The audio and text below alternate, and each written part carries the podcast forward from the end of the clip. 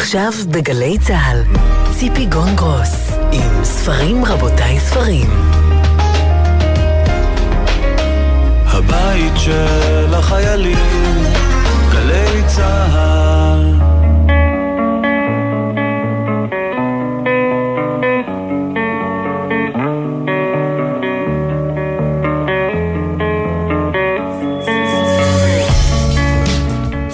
ספרים סיכום שבועי, שלום לכם, תודה שאתם איתנו. סיכום שבועי בשבוע שבו הלכה לעולמה מדום לב נשיאת בית המשפט העליון בדימוס, מרים נאור. יום לפני מותה עוד העידו בפניה ארבעה קציני משטרה בכירים, בכובע שלה כראשת ועדת החקירה של האסון בהר מירון. בפסק הדין של משה קצב היא כתבה, כולם שווים בפני המשפט. כשסיימה את כהונתה כנשיאת העליון, אמרה, אם לא נגן על הדמוקרטיה, היא לא תגן עלינו. ואחר כך דמעה כשהעבירה את השרביט לחברתי הטובה ממני, אסתר חיות.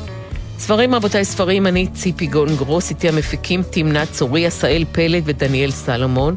על הביצוע הטכני יאלי הראל, בפיקוח הטכני גרם ג'קסון. בשעה הקרובה נדבר עם הסופרת איילת גונדר גושן על הרומן החדש שלה, רילוקיישן. נשמע מפרופסור יגאל שוורץ על מעשיית החיות הוותיקה של שרל פרו, החתול במגפיים. הספר של יגאל שוורץ נקרא "למה לחתול יש מגפיים", והוא הראשון בסדרת ספרי המחקר בספרות ילדים שעורכת דוקטור תמי ישראלי. עוד נדבר היום עם המשוררת חווה פנחס כהן, שמפרסמת עכשיו ספר שירים חדש, גשם בשפה זרה, וגם קובץ של סיפורים קצרים, אני הגבר, ונשוחח עם דנה עמר יהושע, שעברה פגיעה מינית בילדותה, על הרומן האוטוביוגרפי שלה, ביום שלבשתי אדום.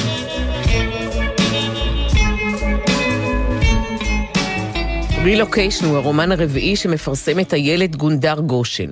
הוא מתרחש ברובו בקליפורניה, אבל גם במקסיקו ובישראל. לילך ומיכאל, שבפאלו אלטו קוראים להם לילה ומיכאל, גרים בסיליקון וואלי. לילד שלהם הם קראו אדם, שם ניטרלי כזה שעובד גם בעברית וגם באנגלית. הם מגדלים ילד באמריקה, את הישראליות אפסנו בארון. מיכאל הוא מנהל בכיר בחברת הייטק, הרבה מהפעילויות שלה סודיות מאוד, ולילך היא חלק מקבוצת אימהות שרובן ישראליות, חלק גדול מהן לא עובדות. לילך עצמה עובדת חלקית כרכזת תרבות בבית אבות. אדם שלהם הוא תלמיד מצטיין בתיכון מאוד נחשב.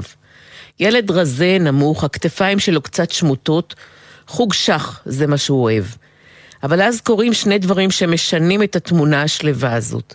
פיגוע רצחני בבית הכנסת הרפורמי, פול ריד, גבר שחור עם מצ'טה, נכנס בערב ראש השנה לאולם התפילה והורג את ליאת ויינשטיין בת ה-19. ליאת דוחפת את סבתא שלה לאחור וכך מצילה את החיים של סבתא. וגם קורה אסון במסיבה של הילדים מהשכבה של אדם. אדם מתקשר לאבא שלו מיכאל ואומר בקול רועד, אבא, אתה יכול לבוא לאסוף אותי? מישהו מת כאן. המישהו שמת הוא ג'מאל ג'ונס. נער שחור שאימא שלו חדרנית בבית מלון, מגדלת לבדה אותו יחד עם שני האחים שלו. רילוקיישן הוא הרומן ויש בו עוד שתי דמויות משמעותיות, הכלב, ששמו כלב, ואדם הציל אותו מפציעה קשה והביא אותו הביתה, וגם אורי זיו, שמתחיל להעביר לבנים, ובכללם לאדם, סדנה להגנה עצמית אחרי הפיגוע, והופך למנהיג הבלתי מעורער שלהם. שלום איילת גונדר גושן. שלום ציפי.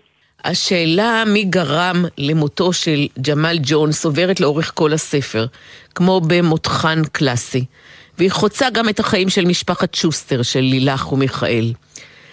ונשאלת כאן השאלה לאורך הספר עד כמה אבא ואימא של אדם באמת הכירו אותו, באמת ידעו שהתעללו בו בבית הספר, עד כמה הם היו בהלם לגלות ש...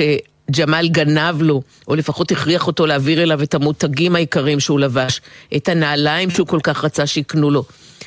ומכאן השאלה יותר כללית, האם אנחנו באמת יודעים הכל על הילד שלנו, על בן הזוג שלנו? השאלה הזאת שאת מנסחת זה, זה בדיוק השאלה שהנחתה אותי בכתיבה. הרעיון הזה של אימא שמצד אחד יודעת הכל על הילד שלה, היא גידלה אותו בתוך הגוף שלה, היא יודעת בעל פה מה הוא אוהב לאכול בסנדוויץ' ומה הוא שומע ואיזה משחק מחשב הוא אוהב. מכירה אותו ממש היכרות פיזית כזאת. ומצד שני פתאום מתחילה לשאול את עצמה, אז מה אם אני יודעת מה, איזה ממרח הוא רוצה בסנדוויץ', עד כמה אני מכירה באמת את הילד הזה. או עד כמה יש סיכוי שאני מגדלת בתוך הבית שלי מישהו זר, בהתחלה כשהיא מגלה שג'מאל התעלל בבן שלה, רק אחרי שג'מאל מת במסיבת כיתה הזאת, היא מבינה שבעצם הילד שלה עבר חתיכת אביוז בבית הספר, ובהמשך כשהיא מתחילה לשאול את עצמה אם יש סיכוי שהוא נקם על ההתעללות הזאת, כלומר אם יש סיכוי שלא רק שהיא גידלה ילד שהוא קורבן מבלי שהיא תדע, אלא אם היא גידלה ילד שמסוגל להרוג. ואני חושבת שההורות בכלל, ההורות, האימהות, האבהות, נמצאת בספר בכמה וכמה מישורים, שהמישורים האלה אולי גם מדברים זה עם זה. ההורות היא בלידה השקטה של לילך, ילדה ילדה מתה. ההורות היא באימוץ של מיכאל על ידי עדה ומשה בקיבוץ, והצורך שלו כל הזמן להוכיח להם שהם לא טעו כשהם לקחו אותו. ההורות היא כמובן ההורות השונה של מיכאל לעומת לילך לאדם. אפילו הכלב, ששמו כלב, יש לו בעצם אימא ואבא. אדם הציל אותו כשהוא היה פצוע מאוד רגע לפני שהוא הורדם על ידי הווטרינר, והוא אבא ואימא של הכלב הזה, כלב. אני חושבת שגם כאימא בעצמי וגם כסופרת, המקום הזה של הורות והרבדים שלה והמשמעויות שלה מאוד מאוד מעסיק אותי. באיזשהו מקום מצד אחד אפשר להגיד שרילוקיישן זה, זה באמת מותחן פסיכולוגי, כי יש גופה והאימא היא כמו בלשית שמנסה להבין אם יכול להיות שהבן שלה מעורב במוות של הילד, אבל הרבה יותר מזה מבחינתי זה איזושהי אמירה על הורות כמצב מתמיד של סוג של מותחן פסיכולוגי, שכל הורה לפעמים מרגיש כאילו הוא קצת בלש שמנסה לחקור מה לעזאזל קורה בתוך הנפש של הילד הזה. ילד שכשאני שואלת אותו מה, מה שלמה עונה תמיד סבבה או בסדר, את יודעת, מילים של שתי עברות, והשאלה הזאת של עד כמה אנחנו כהורים מסוגלים להכיר באמת את הילדים שלנו, וגם עד כמה אנחנו באמת רוצים להכיר באמת את הילדים שלנו, שזה גם שאלה שחוזרת שם. האם מיכאל רוצה לדעת אם הילד שלו קורבן, או שאולי זה מאיים על הגבריות של האבא לחשוב שהוא גידל ילד שמסוגל להיות קורבן, אז הוא מעדיף פשוט לא לדעת שמתעללים בו בבית הספר. האם לילך רוצה לדעת אם אדם מסוגל להרוג נער אחר, או שהיא מעדיפה לשכנע את עצמה ש... שהכל בסדר. ועוד לא אמרתי, אבל זה ודאי השתמע מתוך מה שאמרתי עד עכשיו, מתיאור הספר, הגזענות, הגזענות לגווניה כל הזמן נמצאת שם.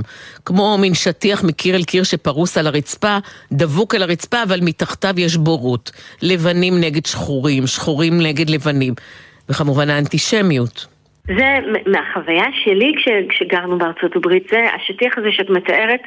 נורא תפס אותי. הרעיון שחברה יכולה מצד אחד להיות כל כך פוליטיקלי קורקט וכל כך מודעת לעצמה כמו החברה האמריקאית בסיליקון וואלי ומצד שני הדברים האלה עדיין שם. לא הפסקנו להיות גזענים בגלל שהחלטנו שזה לא בסדר, זה לא עובד ככה.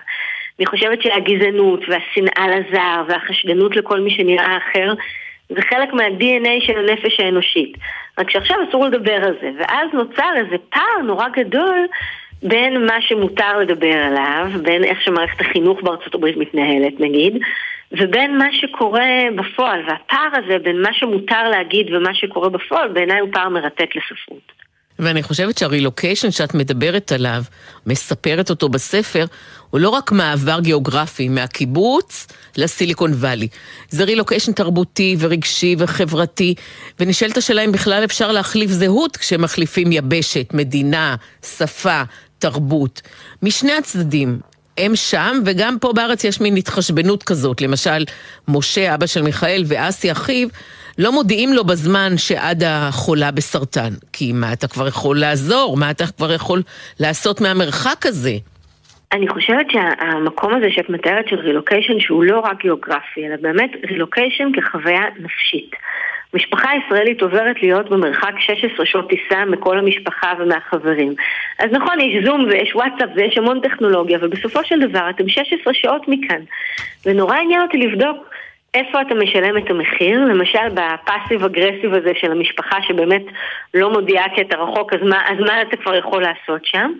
אבל גם על הפנטזיה הזאת של לילך, של הגיבורה, שבאמת אפשר להוריד מעלייך את הזהות הישראלית או היהודית, הקורבנית, כאילו להוריד אלפיים שנות גלות כמו שאתה מסיר מעיל כשאתה נכנס למקום חם יותר ולהגיד זהו, אני, אני כבר לא ישראלית, אני כבר לא יהודייה, אני חלק מארצות הברית של אמריקה. שמצד אחד הסיליקון וואלי נורא נותן לך תחושה כזאת עם כל הפוליטיקלי קורקט, שמה זה משנה אם אני יהודי או נוצרי או שחור או לבן, כולנו כאן ביחד, כזה בתוך הגן עדן הקפיטליסטי, ופתאום היא קולטת שלילד שלה קראו יהודי מלוכלך בבית ספר. ואולי סוג של תשובה זאת העובדה שכל הנערים האלה לא רק האדם, אלא כל הקבוצה הזאת של הנערים, חוג אורי, מה שהם קוראים לו, חוג אורי, החוג שבו מלמדים אותו שהקם להורגך, השכם להורגו, מעין חוג סיירת מטכ"ל, מדליק את כולם, סליחה על המילה הפשטנית קצת, הם, הם נסחבים אחרי האורי הזה להרפתקאות שבכלל ב-DNA, כפי, ש, כפי שהאימהות והאבות שלהם הכירו אותו, לא נמצא. אני ממש לא חושבת שזו מילה פשטנית, להפך, אני חושבת שמדליק זה בדיוק זה, כי יש בזה משהו, מין ניצוץ, שהוא כמעט אירוטי, במשמעות של פתאום מגיע הנער הזה, שהרביצו לו בתיכון, ואז עוד היה פיגוע בבית כנסת הרפורמי, אז הם כולם הרגישו כאלה יהודונים גלותיים חלשים, ופתאום מגיע הגבר הישראלי, האורי, היוצא סיירת הזה, ומציע לך איזה מצ'ואיזם ישראלי, את יודעת, המאצ'ו הציוני מול היהודי המוזלמן. וזה באמת מדליק אותם, זה מעורר אותם. בין להיות ילד כאפות אמריקאי ובין להיות ילד ישראלי ש... שקצת מפחדים ממנו אפילו, הם באמת מעדיפים להיות התוקפן על להיות הקורבן. אני חושבת שהראייה הזאת זה בדיוק מה שמזעזע את לילך, את האימא, שבעצם שואלת האם שתי הפוזיציות היחידות שיכולות להיות לנער בתיכון או לאומה בין העמים זה פוזיציה של או שאני קורבן או שאני תוקפן או שאפשר לחשוב גם על, על עוד משהו שהוא לא זה ולא זה. ואני יכולה לומר לך לסיום א', שמאוד מאוד אהבתי את הספר, באמת אי אפשר להינתק ממנו, אבל גם אני חייבת לספר את האנקדוטה הקטנה הזאת שמחברת בין שתינו, את מסכימה? יאללה. לפני כמה שנים הייתי שופטת בחבר השופטים של פרס ספיר, פרס מפעל הפיס. והחלטנו להעניק לספר הביקורים שלך, לילה אחד מרקוביץ', את הפרס לספר הביקורים. וקראנו כולנו את הספר וממש הצבענו פה אחד בעד הענקת הפרס לספר הזה. באתי לטקס וחיכיתי לראות, כיוון שקוראים לך ילד גונדר גושן, בחורה אתיופית. אפילו פגשתי בכניסה את אבא שלך, אוד גונדר, שהיה בעבר בגלי צה"ל, ואני מכירה אותו בערך 40 שנה, ושאלתי אותו, מה אתה עושה פה? והוא אמר לי, מה זאת אומרת מה אני עושה פה? הבת שלי מקבלת היום פרס ביקורים, ועדיין לא נפל לי האסימון. בערך השתמשנו עד אז קצת באסימונים. ורק אז גיליתי שהילד גונדר גושן לא אתיופית. זה לא פגם ב, כהוא זה ב, ביופי של הספר לילה אחד מרקוביץ', אבל אני הרגשתי הכי מטומטמת בעולם. שתיקה מצטערת לאכזב, אבל חכי, אולי עוד ישתנה. אולי תהיה אתיופית יום אחד, במסגרת הרילוקיישן. תודה רבה רבה, ילד גונדר גושן. הספר הזה הופיע בהוצאת אחוזת בית ספרים, רילוקיישן. תודה. תודה, ציפי, להתראות.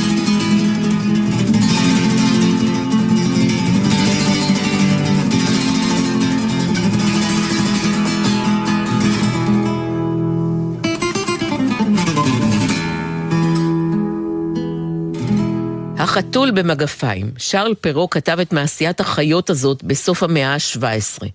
אגדת עם אירופאית. האחים גרים כללו אותה בקובץ המעשיות והאגדות, אגדות העם שלהם בתחילת המאה ה-19. גם לפני שרל פרו, כבר במאה ה-16, עברה מפה לאוזן מעשייה דומה. ולחתול במגפיים יש גם הסתעפויות ושלוחות אצל אריך קסנר, באולפני וולט דיסני, ואפילו בסדרת סרטי שרק. אז מה הסיפור? מעשה בתוכן שהלך לעולמו והוריש לבנו הבכור את תחנת הקמח. לאמצעי את החמור, לבן הצעיר הוא הוריש חתול. חתול. בן הטוחן המאוכזב הבין שלכל היותר הוא יוכל לאכול את החתול, ואפילו גם להכין כפפות מהפרווה שלו. אבל החתול מבטיח לו שאם הוא יקבל ממנו שק וגם מגפיים, החתול יוכיח לו שמנת חלקך אינה כה גרועה כפי שנדמה לך. ובאמת החתול בעורמה, בקסם, בנחישות, ביצירתיות, מצליח להשיג לבן הטוחן הכל. גם בגדי מלכות, גם רכוש, גם להפוך את הנסיכה לאשתו ולגור איתה בארמון. פרופסור יגאל שוורץ, בן אדם רציני לכל הדעות, ראש מכון הקשרים לחקר הספרות העברית באוניברסיטת בן גוריון בנגב, יצא לחקור את מעשיית החיות הזאת של שרל פרו. למה לחתול יש מגפיים? נקרא הספר החדש של פרופסור יגאל שוורץ. שלום יגאל. שלום ציפי. לא, עכשיו אני יודע שאני בן אדם רציני, אני צריך להתנהג בהתאם. אתה בן אדם מאוד רציני. אז למה חתול? קודם כל, זה באמת, אה, יש סדרה גדולה כזאת של מעשיות, שבהם יש הלפר כזה, שיש מישהו שעוזר אה, אה, לכל מיני מסכנים לממש את ציפיותיהם, את ה-wishful thinking שלהם. וחתול פה בסיפור הזה, משום שהוא צריך לצאת ולבוא גם, גם בבתים וגם בטבע, וחתול זה מין חיה כזאת שהיא בין לבין. והיא גם אה, אחת שיודעת לשאת חן מצד אחד, ומצד שני היא גם יודעת, אה, כמו שרודיארד קיפלינג אה, כתב בסיפור הנפלא שלו, לחתול שהלך לבדו, היא גם יודעת לדאוג לאינטרסים של עצמה. וכמובן בגלל שהוא תמיד נשאר איכשהו בחיים על פי האגדות, ויש לו תשע נשמות וכל מיני עזרים נוספים חשובים. אז למה דווקא מגפיים? למה לא כפפות, או מעיל, או כובע? רגע, קודם כל, את חייבת להגיד שזה נורא כיף לשאול אז למה דווקא. עכשיו, באמת, כאילו, אני שמתי את עצמי בדיוק במקום שאת שמה את עצמך עכשיו, וזה, וחזרתי להיות ילד, כי, כי, כי כל הזמן שאלתי למה. וזה נורא כיף, אני חושב. למה מגפיים? מגפיים בגלל, קודם כל שהמעשייה נכתבה, או עובדה יותר נכון, על ידי שרפרו בתקופה החצרנית, שאנשים הלכו עם בגדים מאוד אה, מפונפנים. ומגפיים אה, היה חלק מהעניין, וככה הוא היה יכול להיות אה, כאילו איזה סימן מעמד. החלק הכי קריפי של העניין של מגפיים, בעיניי, וזה באמת מה שהטריד אותי, זה שזה סוג של מסכה, שבדרך כלל באמת שמים על הפנים, אבל הוא אה, שם אותה על כפות רגליו. אה, קודם כל זה הופך אותו מהולך על ארבע להולך על שתיים, וכבר זה די מפחיד. והדבר השני הוא זה שזה מסתיר את כפות רגליו. זאת אומרת, אה, אנחנו לא יודעים איך הן נראות. וכפי שהוא מתנהג, ועל רקע המקבילות של הסיפור הזה בכל מיני מקומות, יכול מאוד להיות שהחתול החמוד הזה, במרכאות, הוא שליח של השטן, והשטן כידוע ניכר ברגלי העז שלו, בתפריו. בפרשנות מסוימת, כמו שראיתי, יש שם כמה סוגי פרשנויות, בפרשנות מסוימת הוא יכול להיות הנציג של השטן עלי אדמות. אבל איך ייתכן, יגאל, שהחתול הזה, בסך הכל חתול בית, חתול תחנת קמח, איך יכול להיות שהוא מצליח להפחיד, להקסים, לתפעל, לשקר, לנכס רכוש עצום לבעלים שלו, ואף אחד, אפילו לא המלך או המפלץ, מתנגד לו, מגלה את הבלוף שיש כאן? כי הוא trickster, זה התפקיד הזה שיש בכל התרבויות, אה, לאו דווקא לחתולים, נניח באמריקה זה לקיוטי, במקומות אחרים זה נניח בניו זילנד זה עכביש, שהם מאוד מתוחכמים. עכשיו, התחכום שלהם הוא בזה שהם מזהים את נקודת התורפה של היריב. ושהיא גם קצת נקודת התורפה שלהם, וזה מה שמאוד מעניין בסיפור הזה, וזה בעיקר, בסיפור שלפנינו, אה, שילוב של טיפשות ויוהרה. למשל המלך הוא נורא גרגרן, מה שאריק קסטנר מאוד הדגיש, והחתול מביא לו כל מיני מתנות, עד שהוא מכניס לו לראש, כמו בפרסומת, שיש דבר כזה שקוראים לו הרוזן קרבאסו, זה השם שהמציא לבעלים שלו. עוד פעם הרוזן קרבאסו, עוד פעם הרוזן קרבאסו, כמו, ב, כמו ברדיו ובטלוויזיה, ואז הוא חושב שהוא כבר מכיר אותו. ואז אה, באיזשהו שלב המלך יוצא לטיול, החתול יודע לאיפה הטיול, אומר לבן הצעיר, בין, לטוחן הצעיר, תקפוץ למים, עירום ועריה, כאילו עכשיו אתה כמו חדש. ואז אה, אה המלך אומר, הצילו, הצילו, הצילו, ושמים עליו בגדים. עכשיו, לפי הנורמות של התקופה הזאת, שפירו יורד אליהם, הבגד, לפי אחת התפיסות, הבגד הוא אדם. בן הטוחן נכנס למים בן טוחן, יוצא משם, לובש בגדים של המלך, או של חלק מעוזריו, תלוי בגרסה, ואז הוא נעשה רק בגלל הבגדים נסיך. ופרעה אומר, תראו מה קורה אצלכם, אצלכם הכל זה הלבוש, הכל זה החיצוני, הכל זה, זה המידות. עכשיו, החלק הכי שעליי עבד בתור ילד והפחיד אותי, ובגלל זה כנראה ניגשתי למעשייה הזאת, בגרסה הזאת, זה הסיפור הזה באמת של הענק, כי הענק הוא... הוא בעצם החתול במהדורה הרבה יותר מפחידה. החתול יודע להתחפש, אבל הוא לא יודע להשתנות, הוא לא יכול להפוך לעכבר או לאריה. אבל בסוף הסיפור הזה, הרי החתול צריך להשיג, אה, כמו שאמרת אה, אה, בתחילת דברייך, צריך להשיג לנסיך גם ארמון. מאיפה יהיה לו ארמון? אין לו ארמון. אז הוא הולך ומוצא בקצה הממלכה איזה ענק אחד שיש לו ארמון נורא גדול, והענק הזה יש לו רק נקודת חולשה אחת, חנפנות עובדת עליו. ואז החתול אומר, תתחפש לאריה, הוא מתחפש לאריה, תתחפש לזה, מתחפש לזה. הוא אומר, ועכבר אתה גם יכול להיות? אז הוא אומר, כן, הוא לא חושב כי הוא יהיר, הוא מתחפש לעכבר והחתול טורף אותו.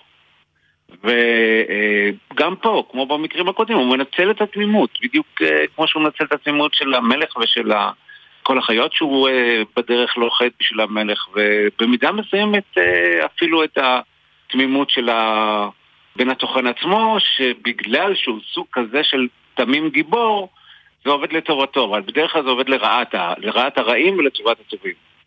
יש כמה וכמה גרסאות לסיפור הזה, לפני ואחרי פרו, ואתה אומר, יש גם כמה קריאות אפשריות. חלקן פסיכולוגיות, חלקן פוליטיות, חברתיות, ואתה מתמקד בשתי קריאות. אתה יכול בקצרה להסביר לנו מהן הקריאות האפשריות האלה? כן, אני אנסה. אחרי שמישהו איים עליי שאני צריך לדבר פשוט, אני אנסה.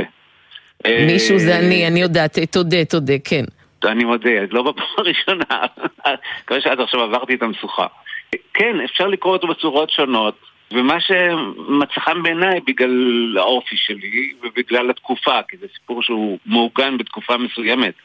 של באמת, אה, של לואי 14, שהיה מלך השמש והביא את אירופה לשיא מבחינת ההדר וחצר המלכות וככה, אז יש קריאה אחת שהיא בעצם קריאה שאומרת, זה, אנחנו, טוב לנו, אנחנו העשירים והאצילים, טוב לנו שהמצב הוא כמו שעכשיו, שיש מעמדות, שיש פאודלים, שיש עיקרים, ופה אנחנו שומעים סיפור שבעצם אומר שכל מי שמנסה לשנות את זה הוא דביל, כי בסופו של דבר המערכת היא מאוד נוקשה ולא תהיה פה מוביליות, לא משנה מה.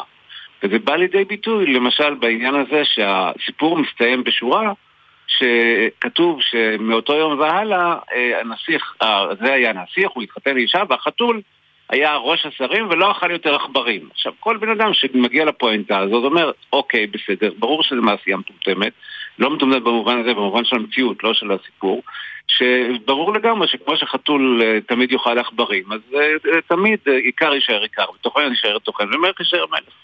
אז זו אופציה אחת. והאופציה השנייה היא האופציה החתרנית, שזה בעצם המוטיבציה היסודית של סיפורים עממיים שהעם מספר, סיפורים תמיד שעובדים לטובת החלש.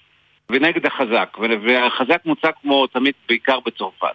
גם זה צריך להגיד, כמטומטם, אה, נפוח, אה, טמבל שאפשר לעבוד עליו. ומהזווית הזאת אפשר לראות איך החתול בתחבולות אה, מאוד עדינות וממזיריות מצליח לסדר את, את כל הרשעים והחזקים ולעבוד על נקודת החולשה שלהם ולהשיג כל מה שהוא רוצה. ואתה פרסמת לפני שבע שנים, יגאל שוורץ, את מקהלה הונגרית. גם שם לקחת יצירה ספרותית, את גמדים על הפיג'מה של הסופרת רות אלמוג, וממנה, 30 שנה אחרי שהיא נכתבה, יצאת לחפש את הילדות שלך. אפשר להגיד שיש דמיון מסוים בין המחקר הזה כן, על החתול במגפיים? נכון לגמרי, אני חושב שאני מתאהב בצורה הזאת. את לא אמרת למאזינים שהסיפור שרות אלמוג אה, כתבה היה לפי מה שאני סיפרתי על עצמי. כאילו, אני נורא מאמין שתרבות זה שכבה על שכבה על שכבה. את יודעת, כשהייתי נניח נער לא אהבתי את החיפושיות. אהבתי את הביצועים של נניח שירלי בייסי או ג'ו קוקר או אני לא יודע מה, על החיפושיות. זאת אומרת, אני אוהב את הטייק אוף. וגם פה וגם פה, נורא כיף לי לעשות uh, פירואטים, כל מיני, אתה יודע, שפגטים וכל מיני תרגילים, על בסיס משהו שכבר מישהו עשה, שהוא במידה מסוימת נות... הוא הרשת ביטחון שלי. את מבינה? כאילו הסיפור הוא שם, אה, יש לו כל מיני uh, פרשנויות, ואז אני יכול במסגרת ה... הדבר הזה, לכבול את עצמי כמו אודיני לפרשנויות האלה ולצאת, יש פה, יש פה גם עניין, בתור פסיכולוגית, את בוודאי יודעת, יש פה עניין מאוד מאוד עמוק מבחינה פסיכולוגית מבחינתי. אני צריך להסתבך ואחרי זה להיות מסוגל לצאת מהספח. ואני עושה את זה לא פעם, לא תמיד בהצלחה. תודה נכון. רבה. תודה רבה, יגאל שוורץ. למה לחתול יש מגפיים? הספר הזה הופיע בהוצאת מכללת לוינסקי לחינוך, יחד עם הוצאת הספרים מגנס. תודה, יגאל. תודה רבה.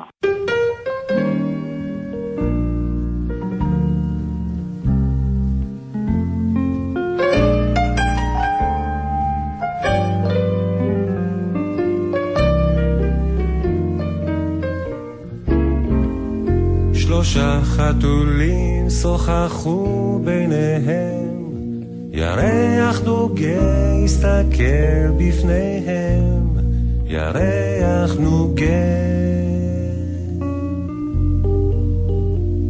ישבו ליד פתח של בית שלושתם, פתח של בית אחד מיותם ישבו.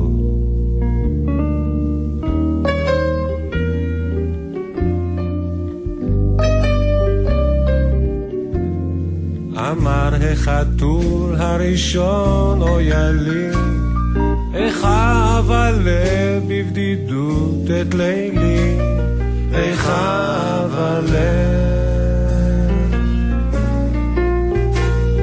אמר השני, אוי אחי החתול, נקומה אולי ונשב שם ממול אולי.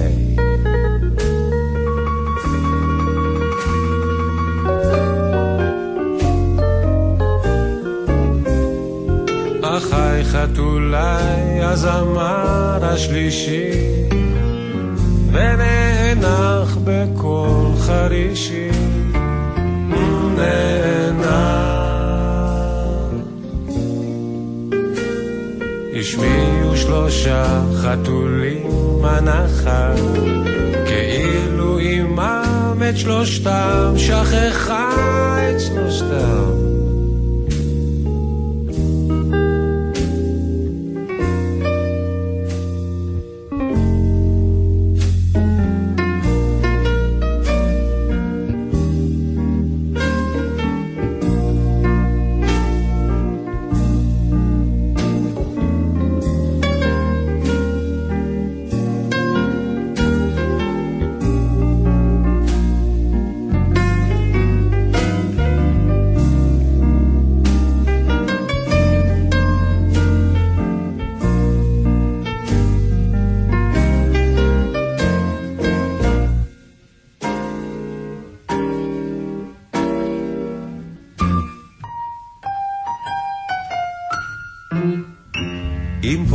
ישבו, אם ישבו שם ממול, היחדלו להיות בני חתול, חתול הוא חתול.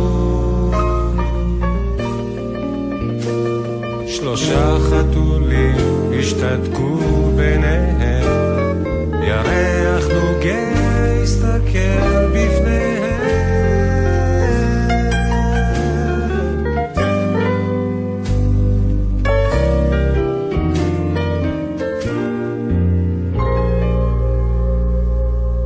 דנה עמר יהושע, אישה בת 49, שגרה בירושלים יחד עם בעלה ושני הבנים שלה. לפני 44 שנה הייתה דנה קורבן להתעללות מינית בתוך המשפחה. ילדה בכורה לזוג הורים אוהבים, מקובלת חברתית, תלמידה מצטיינת, אבל גם מלאת סתירות, ילדה עם ביטחון עצמי וחסרת ביטחון עצמי, עם יכולת ביטוי גבוהה ושתיקות ממושכות לידה. ילדה עם רגליים על הקרקע ויחד עם זאת עצמאית, מרחפת. שנים היא מרגישה אשמה, לא שווה, מצטיינת בהדחקה. עד שהגוף שלה התחיל לדבר. והגוף שלה לא רק דיבר, הוא צעק. פצע בשד, שיעול, קשיי נשימה, מיגרנות שמשתקות כל פעילות, הלשון שמציקה, מעיבה בזמן הדיבור, והתקפי חרדה. דנה הקטנה ישבה בתוכה כל הזמן. ביום שלבשתי אדום נקרא הספר. שלום דנה עמר יהושע. שלום ציפי, וואו, הצלחת לרגש אותי. הגוף שלך דיבר, ואת לא רצית לשמוע. אולי לא היה לך נכון. אומץ לשמוע. אמ, כל התשובות נכונות, נכון. אה, אני אתחיל בזה שקודם כל מצטיינת לא הייתי. נורא רציתי להצטיין, רק שלא הצלחתי, וזה בעצם הפרדוקס של החיים שלי. הגוף שלי דיבר הרבה לפני שהסכמתי להוציא את זה. זאת אומרת, הרבה פעמים שואלים אותי, אומרים לי, איזה אמיצה את לדבר על התעללות מינית. מסתבר שבשנות 2000 עדיין, עדיין, זה נחשב אומץ לדבר על התעללות. אבל לא הייתי אמיצה, הייתי פחדנית. משום שכשהגוף שלי דיבר, הוא היה אחרי שלושה התקפי חרדה מאוד מאוד קשים.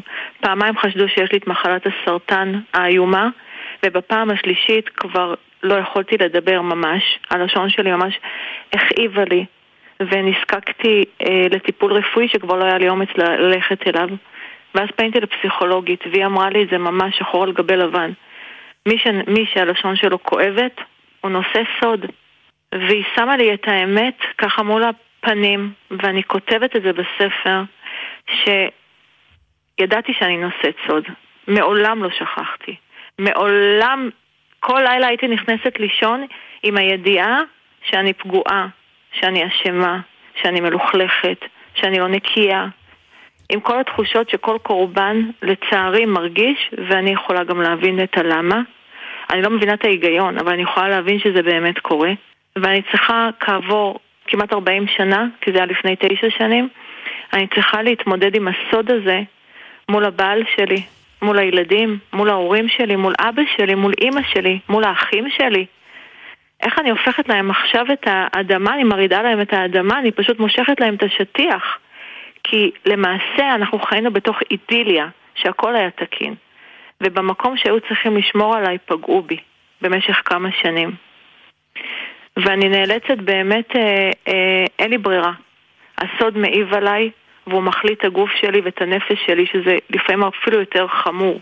ולא יכולתי לשאת את זה יותר, ובאמת הוצאתי את זה החוצה. ובימי הקורונה מצאתי את עצמי פשוט יושבת, טכנופובית שכמותי, יושבת מול המחשב, ואני לא ידעתי עדיין מה אני הולכת לכתוב. מה גם שבתחושה של קורבן, הבינוניות זה משהו שמלווה אותי כל החיים. לכן מכל הפתיח שאמרת, המצטיינת, אני לא הייתי מצטיינת, אני נורא רציתי להצטיין, אבל אני לא האמנתי שאני מסוגלת. יש משהו שישב עליי במשך, מסתבר, 47 שנים, שאני לא מצוינת בכלום, שאני לא טובה, וכל ההצלחות שהיו לי, והיו לי הצלחות, הגדרתי אותם כפוקס. מי האיש שפגע בך, דנה?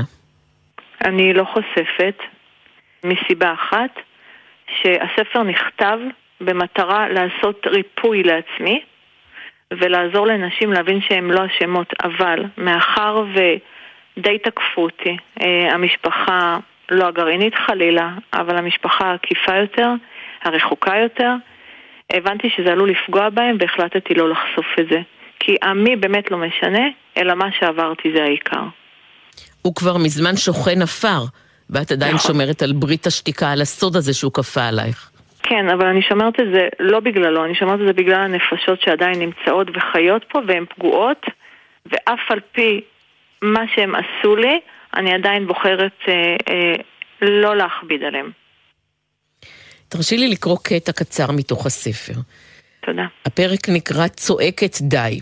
סמוך לחג הפסח הגעתי לבית ההוא. הבית הקטן כבר לבש אווירת חג, מצעד הניקיונות החל, ואני ואחיי הקטנים לקחנו חלק פעיל בהכנות. חג האביב תמיד שימח אותי, ריחות הניקיון שאני כה אוהבת, וההתרגשות משולחן גדוש משפחה אהובה, הפכו את מטלות הניקיון לחביבות. לקחתי את המשימה ברצינות רבה, העמסתי בשתי ידיי אקונומיקה, פנטסטיק ודלי.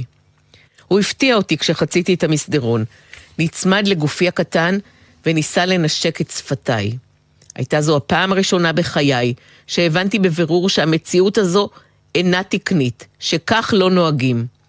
התביישתי בעזות המצח שלו. בשעות הבוקר, כשכולם בבית הוא תוקף אותי, נוהג בי כאילו הייתי אהובה שלו ולא ילדה, כאילו אין מדובר באדם שגדול ממני. פעם ראשונה שהבנתי שהקווים נחצו, ואני חייבת להפסיק את זה, ומיד. הבנתי שלא מדובר באהבה טהורה, אלא בפשע גדול, מכוער ודוחה. בלי לחשוב יותר מדי ובלי לחשב סיכונים, הדפתי את גופו הגדול בעזרת ידיים קטנות ועמוסות, והייתי אסרטיבית ונחושה כמו שלא הייתי מעולם. יצאה ממני דנה עוצמתית וחזקה, הפעם לא חששתי פן מישהו ישמע אותי. ההפך, ייתכן שקיוויתי שייתפס על חם ולא אצטרך לחשוף בעצמי סיפור שאולי לא יאמינו לו. פעם ראשונה שהצלחתי להגן על עצמי מפניו. הדפתי אותו בכל כוחי וצעקתי שלא תעז שוב לגעת בי, איכס! נתתי בפעם הראשונה שם לכל הזוועה הזו שהרגשתי. חומרי הניקוי נשמטו מידיי, עת ניגבתי את פי. ידעתי שיש עוד אנשים בבית, אבל לא חששתי עוד שידעו או ישמעו. מאסתי במצב. צעקתי עליו, ובעצם צעקתי לכולם. אך איש לא שמע. שוב הייתי שקופה. רק הוא שמע אותי ונבהל מאוד. ממני אבל גם מעצמו. הברית המשונה נשברה. סוף ציטוט. יכול להיות, דנה, שהיו אנשים במשפחה שלך ששמעו, שידעו, אבל בחרו, אולי באופן לא מודע, בחרו להתעלם? כן, אני מאמינה שכן. אני מניחה שידעו, אולי לא פרשנו את זה בצורה כמו שאנחנו עכשיו מדברות, או כמו שאני כותבת את זה. אני באמת מאמינה באמת גדולה שהם לא, פר, לא, לא פירשו את זה כמו שאני חוויתי את זה. אבל כן, אי אפשר היה לעצום עיניים. אני לא מאמינה שאפשר היה לעצום עיניים, והתחושה שלה שקופה מלווה אותי הרבה הרבה זמן, שלא רואים אותי, שאני לא קיימת, שאני, כמו שאמרתי, אני, אם הצלחתי אז זה גם בפוקס. אני לא קיימת, אז למה שאני אצליח? ואם כבר אני מצליחה, אז עדיף שאני אהרוס את זה לפני שככה, לפני שמשהו ייהרס לי. כי תמיד, תמיד הורסים לי. ומה אפשרה לך, מה פתחה בתוכך הכתיבה? וואו, אה, הכתיבה מתגלה כתהליך תרפוטי לחלוטין. הסתכלתי על עצמי תוך שאני כותבת, גם כשאת מקריאה ואני מאזינה, זה עדיין משהו מרפא אצלי. כי אני מסתכלת בזום אאוט על החיים שלי ואני מצליחה להרכיב אותם כמו פאזל. המקום הזה, השיפוטי, מתחיל להיחלש, ואני מבינה שזה שאני, האנגלית לא שגורה בפי, זה לא בגלל שאני טיפשה, זה בגלל שאני עשיתי דילית. והשש שנים שניגנתי בפסנתר באקדמיה למוזיקה, ואני לא זוכרת אפילו תו, זה לא בגלל שאני טיפשה. זה בגלל שאני עוד פעם, אני עשיתי דלית ולא תמיד על הקבצים הנכונים. יש משהו מאוד uh, חומל ומחבק את דנה הקטנה שחיה בתוכי, אני לוקחת עליה אחריות. אני כדנה הגדולה, בת 49, אימא כבר לשני בנים, לוקחת אחריות על דנה הקטנה, על דנה הפגועה, ואני אומרת לה, אני אומרת לה, זה בסדר, זה בסדר, את שווה, ואת לא אשמה, ואת ראויה, ואת בטח לא טיפשה. והספר הוא בעצם הוכחה, עוד הוכחה, לאינטליגנציה שלי. אני לא האמנתי שאני חכמה, אף פעם. איך המשפחה הגרעינית שלך הגיבה המשפחה... לסוד ש, שפרס בפני אור השמש?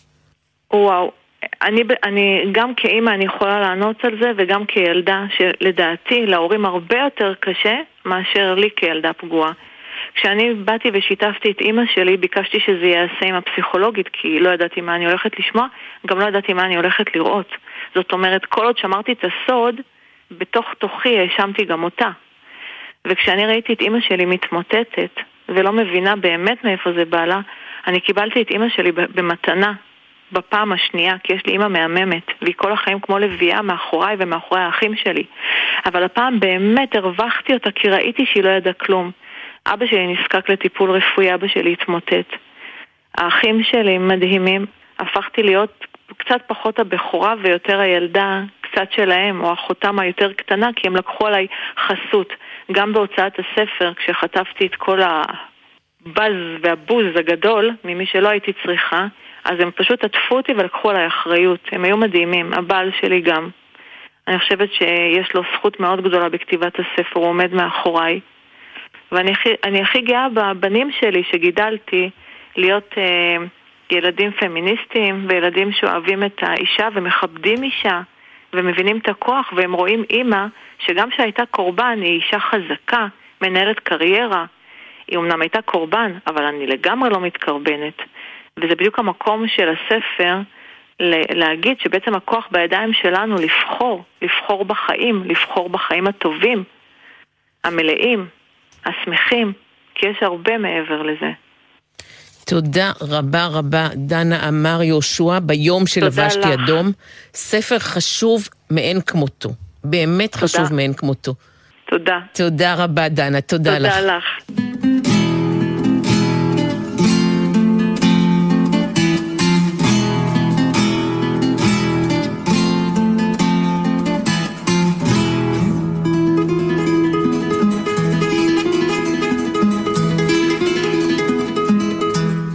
גשם בשפה זרה הוא ספר השירים החדש, השלושה עשר במספר, של המשוררת חווה פנחס כהן. הנה אחד השירים מתוכו. השיר נקרא מלמטה הם מביטים. צמרות העצים רוטטות מטה בתוך מי הנחל, ואין לדעת היכן השורשים. מתוך באר, בנחלים, באגם, בשלוליות, מכל מקום מסתכלים בי המתים. מתוך חלונות המים מסתכלים בי, מתוך מי התהום והמקוואות, מתוך הנהרות הקפואים אי שם בחורף, או מתוך הכינרת.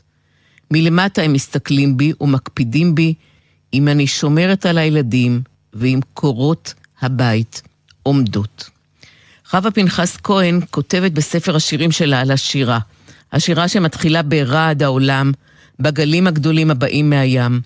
היא כותבת על המילה שנבראה טרם הבריאה והריונה מתוך התוהו, על השפות, על הספניולית שסבתא דיברה איתה והתנצלה, על הלדינו שהיא לומדת כדי לדבר עם המתים בשפה שהם מבינים, על בעל הקיוסק בברטיסלבה שמתעקש לדבר רק סלובקית, על קבוצת הצעירים בשחור בפולין שמשאירים אותה ליד השער הנעול כי היא שואלת Where is the gate? והם דורשים שתדבר רק פולנית. חווה פנחס כהן כותבת בספר שלה באופן מאוד חשוף וכן על הקרסוליים שקהו וטפחו ועצרו נוזלים ודם, והשוק שכבר לא מתוחה, ושערי האהבה שנסגרו והבארות שנסתמו, ולא נמצא פותח ופותר. והיא כותבת גם על הגשם, על ואל אבינו מלכנו, על שמשון התנ"כי הגדול והבודד, על הארון. גשם בשפה זרה, הוא שם הספר. שלום חווה פנחס כהן. שלום וברכה. אפשר להגיד חווה שזרות ושייכות, זרות לעומת קרבה, זה המכנה המשותף לרוב השירים בספר? כן, המתח ביניהם, בין uh, הקרבה והזרות, השייכות והזהות, דווקא כאילו לאחר שנים אני תופסת שהמתח הזה קיים בצורה עמוקה מאוד uh, בחיי, בזהות שלי, ואני חושבת שגם בבני דורי. והשפה, אה, המילה, העברות שדרכן נברא העולם מהתוהו ובוהו, דרך ההתבוננות מקרוב על השפה, את כותבת בספר הזה גם שירים ארס פואטיים, וגם בודקת את הזהויות שלך, את המגבלות, נכון. את השורשים המשפחתיים, הספרותיים, אולי גם הדתיים. בואי נגיד ככה, מכל, זאת אומרת, אני בודקת את החומרים, ממהם אני עשויה. אני עשויה ואז הכתיבה עשויה, זה, זה הולך יחד. וגם גיליתי באיזשהו אופן, רק אחרי שקראתי את הספר של עצמי, שבעצם אה, כמה שאני לא אדבר על אה, ארס פואטיקה ועל שירה ועל מהותה בכלים הספרותיים שעומדים לרשותי, בסופו של דבר ההתבוננות במרחב שבו אני חיה, ההתבוננות בגוף וההתבוננות בביוגרפיה, או לחיות את הביוגרפיה, אלה נותנים לי את התובנות גם לגבי הארס פואטיקה, לגבי הכתיבה, המהלך, היחס בין השפות. הרי זהות של אדם נקבעת גם על פי השפות שהוא יודע או נמשך אליהן או זוכר אותן. על אחת כמה וכמה בארץ מבורכת שפות כמו שלנו. ואתה מבין שמכל המקומות האלה, אם יש אה, רגעים של שירה, היא צומחת מתוך המתחים האלה. מתוך המתחים שיש בהם משהו פשוט, כי ככה זה. יש בהם משהו מורכב, כי כשאתה מתבונן, מנסה להבין, חוקר את עצמך. אז זה יוצא מגדר הפשוט אל המילה, אל השפה ואל הכתיבה. ולמה גשם בשפה זרה? הרי הגשם מטפטף או ממטיר או יורד או סוער באותה שפה בכל העולם. לא, מסתבר שלא, לא, בתודעה שלי לפחות. הגשם הוא לא מובן מאליו בארץ הזאת. אנחנו מצפים לו כל שנה ותוהים אם הוא יגיע בזמנו או לא, ואם עובר טבת, האם uh, כבר זה בצורת, ואם זו בצורת, האם uh, יש לה תענית. יש לנו מסורת ארוכה מאוד של יחסים עם הגשם, וזה לא פשוט. ופתאום, או בואי נראה, המילה פתאום פה היא כדי לומר משהו על ההתבהרות, על התודעה, אבל לא על הדבר עצמו. Uh, כשאני מסתובבת במקרה שלי, אני הרבה בבלקן, אני מוצאת שזה כל כך פשוט ומובן מאליו, הגשם והנחל והמים הזורמים והמים הבאים מלמעלה. וכשאומרים בסרבית פדה קישה, גשם יורד, כן? בעצם גשם נופל, אם אני אתרגם מילולית. קישה, קישה, את שומעת את הגשם היורד אה, בפשטות שלו, ב, במובן מאליו שבו איש לא מחכה לו כי הוא יבוא. הוא שם, הוא פשוט יבוא. אותו דבר בבולגרית, שהיום רבים התיירים גם שהולכים לשם ומתפעלים מהנחלים והנהרות ושפע המים והמשקעים. אז איך הם קוראים לזה? דוש, דוש, דוש. האומנוטופיה אומרת משהו על המקום, על הנפילה של המים, על הדרך של המים. אצלנו ואיפ... זה אחרת, זה הולך עם המילה להתגשם. ואיפה הכתיבה של הספר הזה, גשם בשפה זרה, פוגשת חווה את הביוגרפיה שלך? אני ילידת הארץ. אני מאוהבת בארץ ובאנשיה ובשפה העברית, אין פה שום ספק בעניין הזה. אבל המקום שמושך אותי הוא המקום של התרגום, המקום של המפגש עם הזר, או של הזיכרון שקודם לזיכרון. אני מחפשת אותו כי הוא, הוא מעניק לי תשובות אה, לגבי היותי. זאת אומרת, הזיכרון שלהם, השפות שהם דיברו, המקומות שהם היו, והמסע הגדול הזה ש... של הדורות האחרונים, שאותו אני מנסה, בו אני מנסה להיזכר. ועבר תקופה קשה מבחינה גופנית, מבחינה בריאותית, במהלך הכתיבה?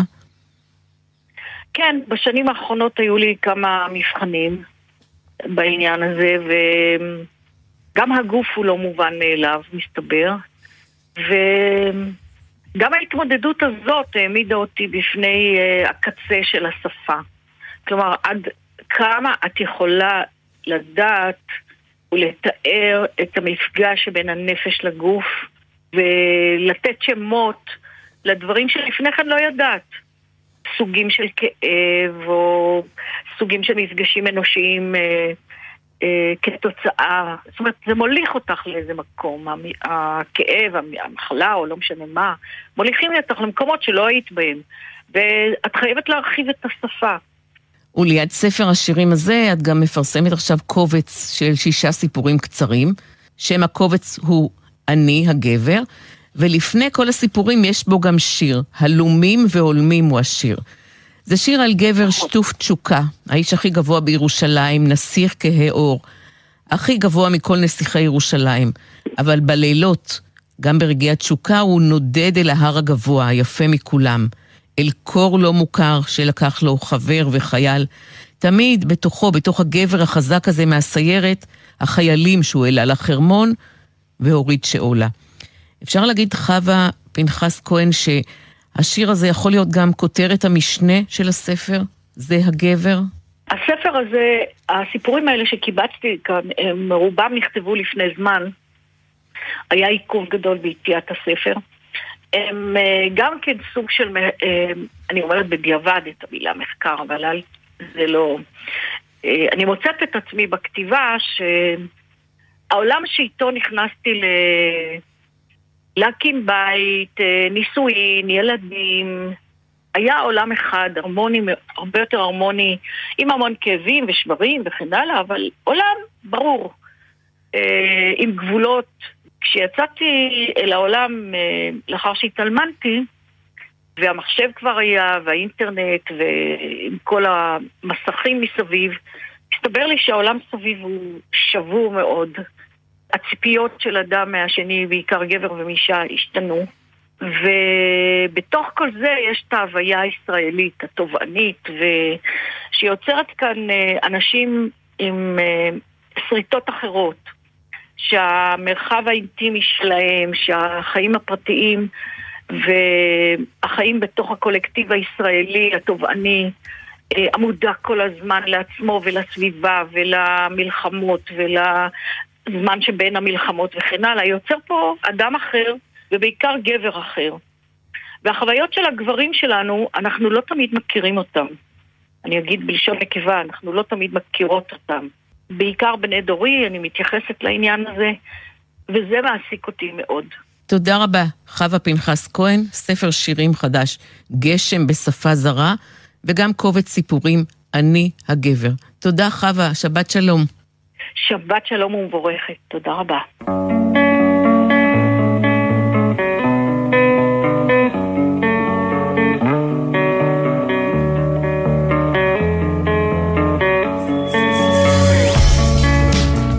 רבותיי, ספרים, עד כאן התוכנית להיום.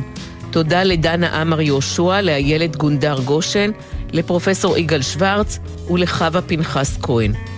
כתובת המייל לתגובות שלכם, ספרים, גון גרוס עם שני אס, כרוכית קום. דף הפייסבוק שלנו מחכה ללייק שלכם. באתר גלי צה"ל וגם ביישומון תוכלו להאזין שוב לתוכנית. שהפיקו תמנת צורי, עשאל פלד ודניאל סלומון. על הביצוע הטכני היה יאלי הראל. בפיקוח גרם ג'קסון.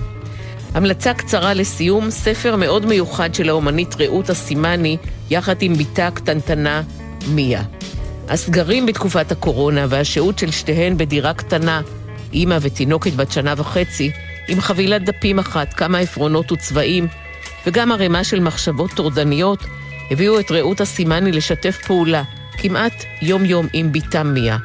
הדפים האלה קובצו לספר חדש, מיה ואני, שמאגד כ-32 רישומים משותפים. הסימני ממשיכה את השרבוטים של בתה, מסע בעיפרון ובצבע, שמחבר בין התמימות והפשטות, הראשוניות של מיה, שנוגעת בעיפרון ובצבע, לבין החוויות של אימא צעירה במציאות כאוטית מפחידה. כמו במבחן השרבוטים הפסיכולוגי הידוע סקוויגל שהמציא הפסיכואנליטיקאי ויניקוט, דרך הקו מיה ורעות מספרות אחת לשנייה את מה שהמילים לא יכולות לספר. מיה ואני. רעות אסימני חתומה על הספר הזה, ואיורים שלה גם מוצגים עכשיו במוזיאון פתח תקווה. ספרים רבותיי ספרים, אני ציפי גון גרוס, שתהיה שבת של שלום וחמימות, ואחרי השבוע מצוין.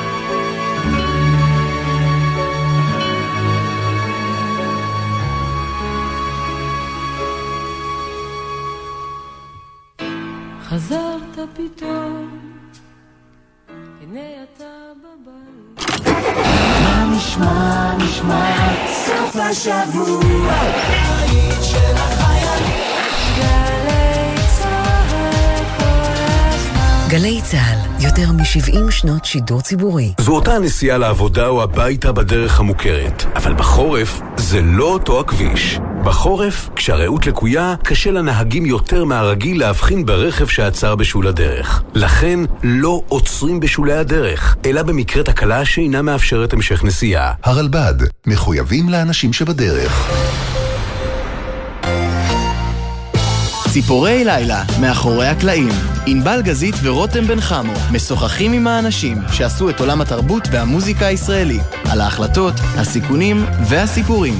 והפעם, המפיק איתן גפני. פנו אליי, אמרו, אנחנו רוצים שלמה ארצ'י יבוא לקחת כינור דוד. אז מסתכלים בלוח ורואים שבאותו יום הוא מתחתן. אז החלטנו שהוא שובר את הכוס, אני לוקח אותו מיידית להיכל התרבות תל אביב, הוא עלה לבמה וקיבל כינור דוד, ואז הלך בחזרה לחתונה. מוצאי שבת בחצות, גלי צה"ל. 25 שנה לאסון המסוקים, רצועת הביטחון בתוכנית מיוחדת. טלי ליפקין-שחק בשיחה עם הרמטכ"ל רב-אלוף אביב כוכבי על משמעות השירות הצבאי ומנהיגות. לנו יש חוזה, מעצם העובדה שזה צבא חובה, בחוזה הלא כתוב, החיילים וההורים יודעים שאנחנו נשלח אותם אך ורק למשימות ראויות. לא משנה אם זה טייס, חובל או חייל בחטיבת הנחל. ראשון, שבע בערב, גלי צה"ל. יום הזיכרון הבינלאומי לשואה בגלי צה"ל. תזכרו טוב את התאריך הבא, ה-16 באפריל 1944. מה קרה בו? אף אחד מהצבאות באירופה לא עשה שום דבר מיוחד, אבל ביום הזה התנשקתי בפעם הראשונה. הפודקאסט של אנה, שידור נוסף של המיזם המיוחד. יומנה של אנה פרנק הופך להסכת, בקולה של אליאנה תדהר. מחר, מוצאי שבת בתשע, ובכל זמן שתרצו, באתר וביישומון גלי צה"ל, או בכל מקום שאתם מאזינים להסכתים שלכם. מיד אחרי החדשות, יואב גינאי.